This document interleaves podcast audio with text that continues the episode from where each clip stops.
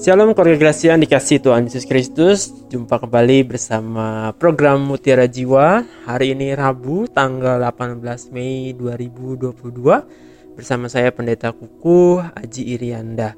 Keluarga Gracia senang sekali kita bisa ketemu lagi ya.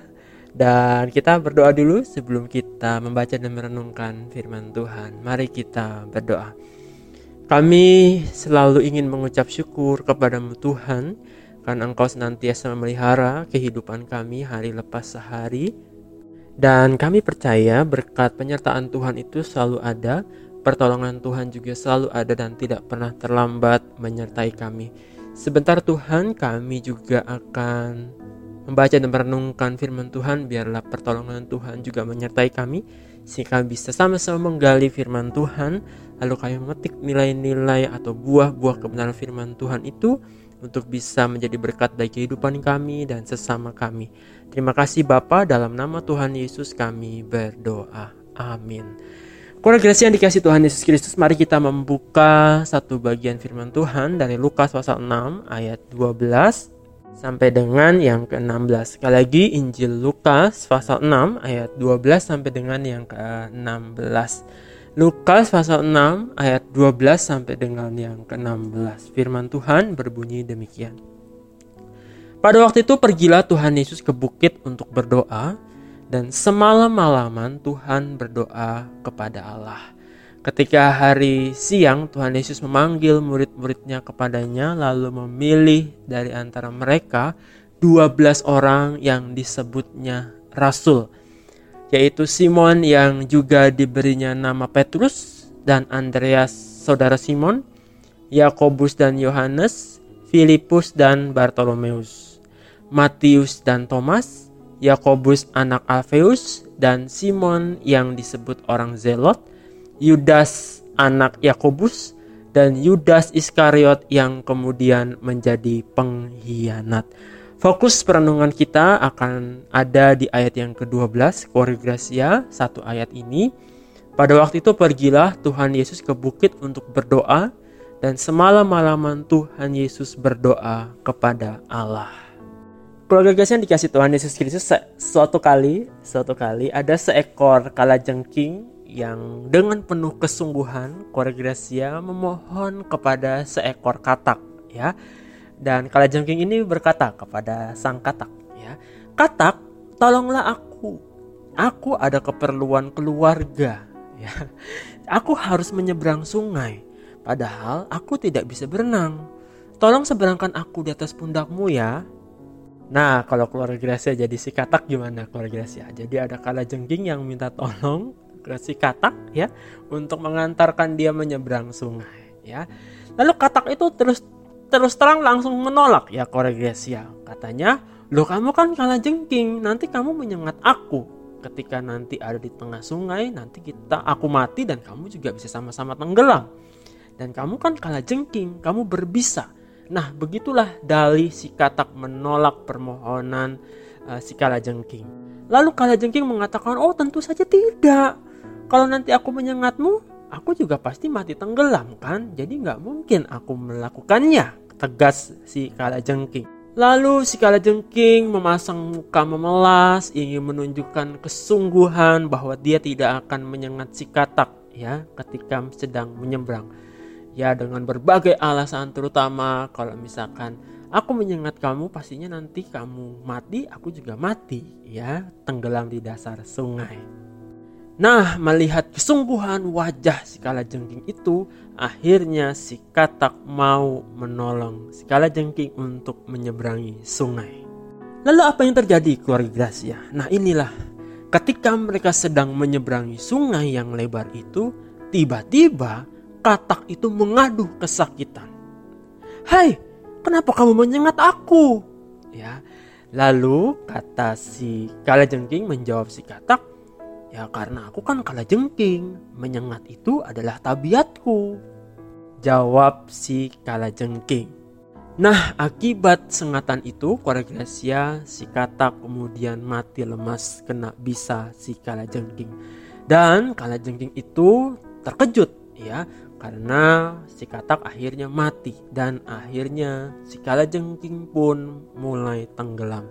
Ia meronta-ronta untuk berenang tetapi derasnya arus begitu ya membuat dia mati tenggelam. Nah, apa yang bisa kita petik pelajarannya Koregrasia? Bahwa sesungguhnya setiap kita itu mempunyai sejumlah tabiat ya atau kebiasaan atau pola hidup ya Koregrasia. Kita mempunyai kebiasaan yang baik tetapi juga mempunyai kebiasaan yang buruk. Nah, kedua-duanya ini ternyata susah loh Gracia untuk dirubah ya, baik kebiasaan baik ataupun kebiasaan buruk. Yang menjadi persoalan tentunya adalah bagaimana kita merubah kebiasaan buruk. Ya, soalnya kebiasaan buruk itu ya barangkali atau memang sering begitu ya sudah mendarah daging ya, katakanlah e, bertahun-tahun sehingga kadangkala ketika kita melakukannya ya kita sudah tidak melihat lagi apa itu keburukannya keluarga Gracia. Kenapa? Karena kita menganggap itu sudah biasa. Nah, untuk itu kebiasaan buruk memang persoalan yang nggak mudah ya keluarga Gracia. Ada dua alasannya kenapa kebiasaan buruk itu persoalan yang cukup rumit ya keluarga Gracia. Alasan yang pertama karena kita tidak mudah untuk mengenali atau mendeteksi itu keluarga Gracia. Sekali lagi karena kita tidak mudah mengenali atau mendeteksinya. Sesuatu keluarga Gracia yang sudah berlangsung bertahun-tahun lamanya itu bisa menjadi terbiasa bagi kita. Kita artinya sudah beradaptasi dengan hal itu meskipun itu adalah kebiasaan buruk. Artinya kebiasaan itu sudah menjadi apa ya? Menjadi bagian gitu ya di dalam diri kita. Sehingga kita sudah lagi tidak kritis terhadap kebiasaan buruk yang kita lakukan.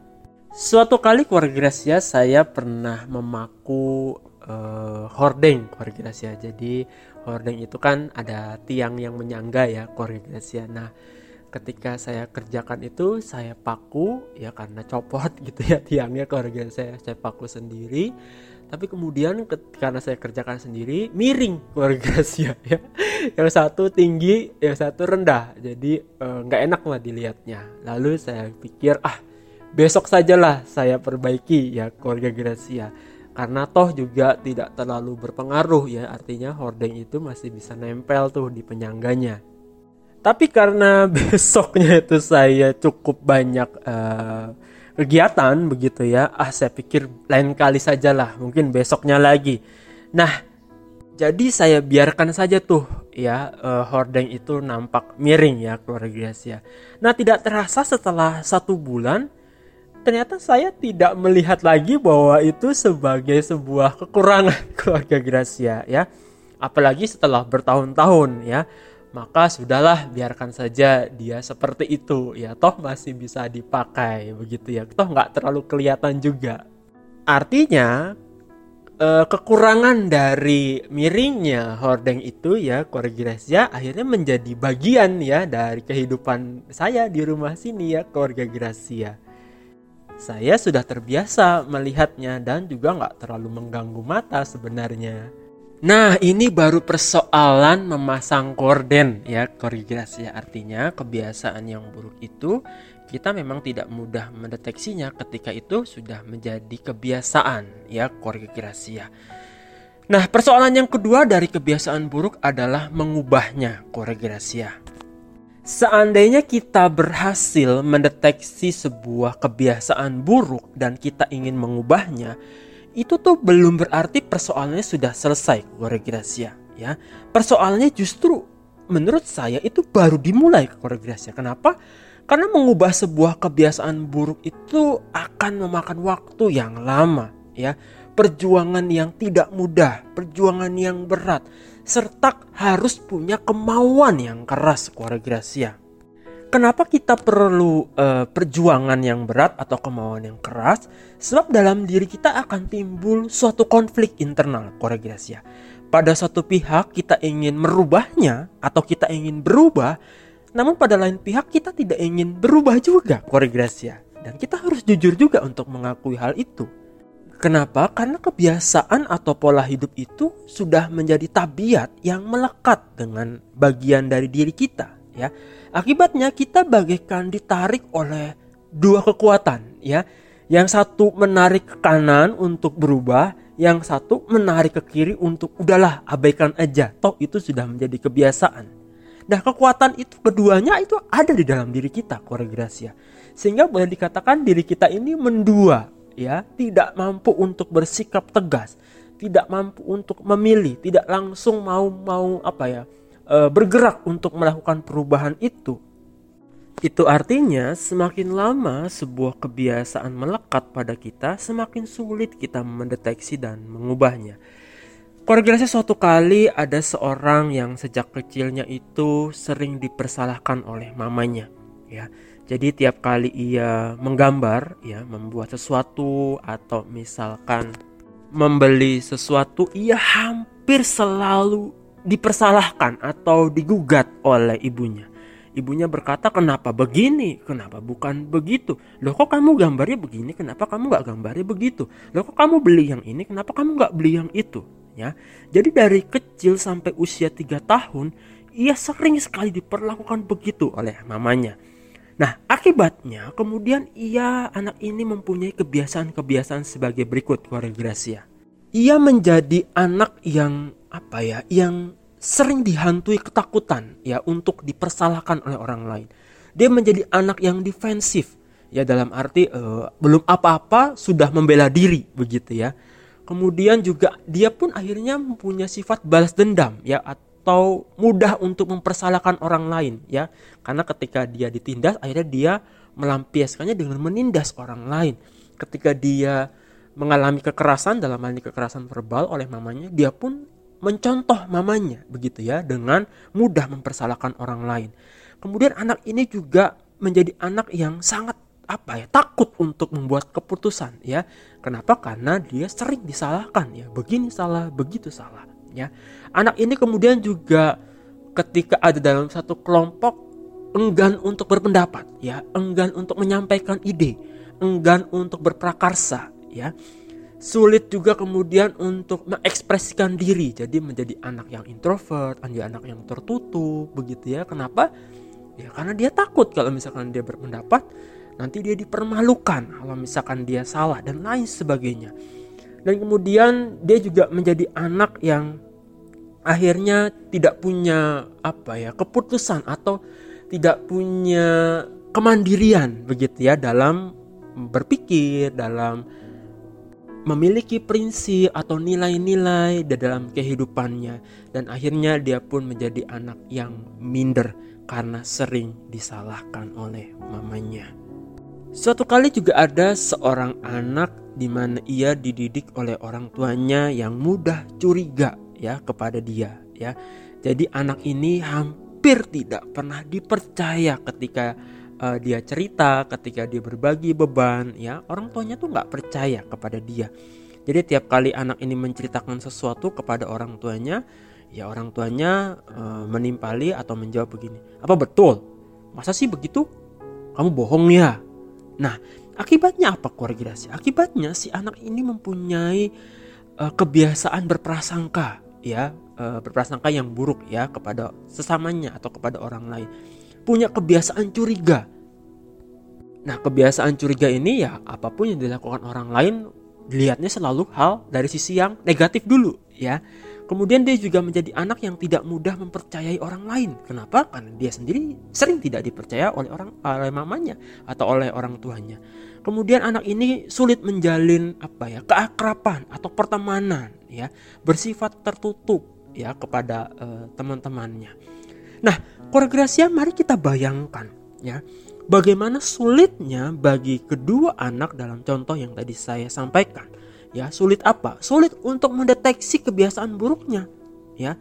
Mungkin anak-anak tadi akan berpikir, "Loh, apanya yang buruk?" Ya. Sejak kecil sampai dewasa kami berada dalam situasi yang seperti itu. Ya, aku dalam ada dalam situasi atau didikan mama yang seperti itu. Aku ada dalam situasi didikan papa yang seperti itu. Papa yang tidak pernah percaya, papa yang selalu curiga. Ya, akibatnya anak-anak ini beranggapan bahwa itulah pola hidup yang wajar. Ya, itulah pola hidup yang seharusnya ada, begitu ya. Pola hidup yang kebiasaan yang aku jalani sesehari. Ya, Nah, akibatnya, Gracia, akibatnya pola hidup yang kemudian berbeda dari itu akhirnya dianggap oleh mereka tidak wajar, ya. Pola hidup yang saling mempercayai satu dengan yang lain, pola hidup yang memberikan kesempatan kepada orang lain, pola hidup yang mendelegasikan ya sesuatu kepada orang lain, kebiasaan yang mempercayakan apa ya wewenang kepada orang lain itu bagi mereka nggak biasa, itu bagi mereka nggak wajar. Pola hidup yang salah yang mereka dapatkan dari pendidikan keluarganya itulah yang dianggap benar Itulah yang dianggap wajar, itulah yang dianggap biasa. Kenapa? Karena itulah kebiasaan didikan dari orang tua mereka. Sedangkan kebiasaan pendidikan yang benar, ya yaitu mempercayakan sesuatu kepada orang lain, berteman dengan siapa saja, berelasi dengan siapa saja, berani untuk membuat keputusan sendiri, berani untuk berpendapat, itu semua menjadi sesuatu yang aneh buat mereka, menjadi sesuatu yang tidak benar, menjadi sesuatu yang tidak biasa di mata anak-anak ini. Nah, itu sebabnya koreograsia banyak pemikir pendidikan menekankan menekankan perlunya penanaman kebiasaan baik itu dari sedini mungkin. Sekali lagi banyak orang-orang pendidikan ya tenaga pendidik atau guru-guru begitu ya yang menekankan bahwa pentingnya atau perlunya penanaman kebiasaan baik itu dari sejak dini atau dari sejak masa kecilnya anak-anak. Saya suka ketika ada seorang filsuf bernama Aristoteles yang hidup sekitar abad keempat sebelum Masehi punya satu jargon yang saya ingat mengatakan bahwa pendidikan melalui kebiasaan itu perlu terjadi sebelum pendidikan melalui akal ya. Sekali lagi saya uh, sampaikan bahwa pendapat Aristoteles bahwa pendidikan melalui kebiasaan itu perlu terjadi sebelum pendidikan melalui akal.